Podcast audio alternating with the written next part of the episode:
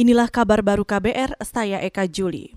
Saudara, saham-saham di Bursa Wall Street Amerika melemah pada akhir perdagangan Selasa atau Rabu pagi ini.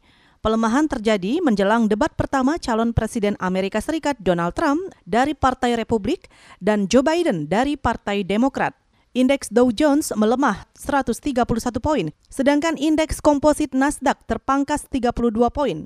Debat calon presiden Amerika Serikat akan disiarkan melalui televisi dan bakal dipantau investor. Sementara itu, dolar Amerika turun ke posisi terendah dalam sepekan terakhir terhadap euro dan franc Swiss sebesar 0,6 persen, serta melemah terhadap mata uang komoditas seperti dolar Australia dan Selandia Baru.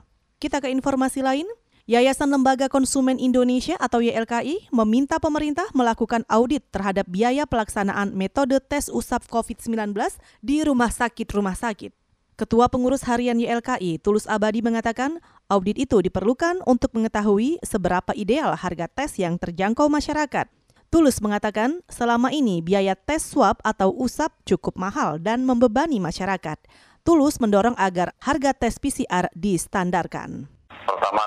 Kepastian harga bagi konsumen yang ingin melakukan tes web secara mandiri. Karena itu perlu sebelum diatur juga perlu diaudit kira-kira berapa sebenarnya biaya pokok terhadap tes web itu yang dilakukan oleh berbagai pihak, apakah rumah sakit ataupun klinik, ya baik swasta ataupun pemerintah, hingga menghapus keraguan-keraguan bahwa ada semacam bisnis atau komersialisasi terhadap uh, tes itu sebagaimana dulu ada komersialisasi uh, terhadap rapid test.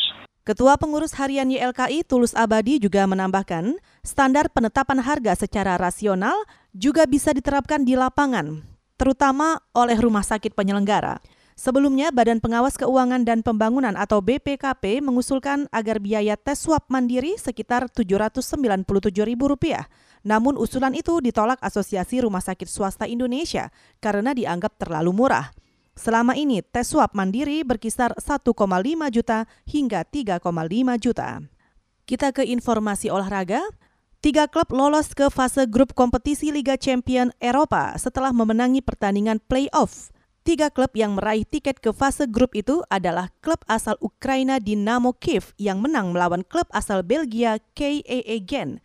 Tiket lolos juga diraih klub asal Yunani Olympiakos yang menang melawan klub Nikosia asal Siprus.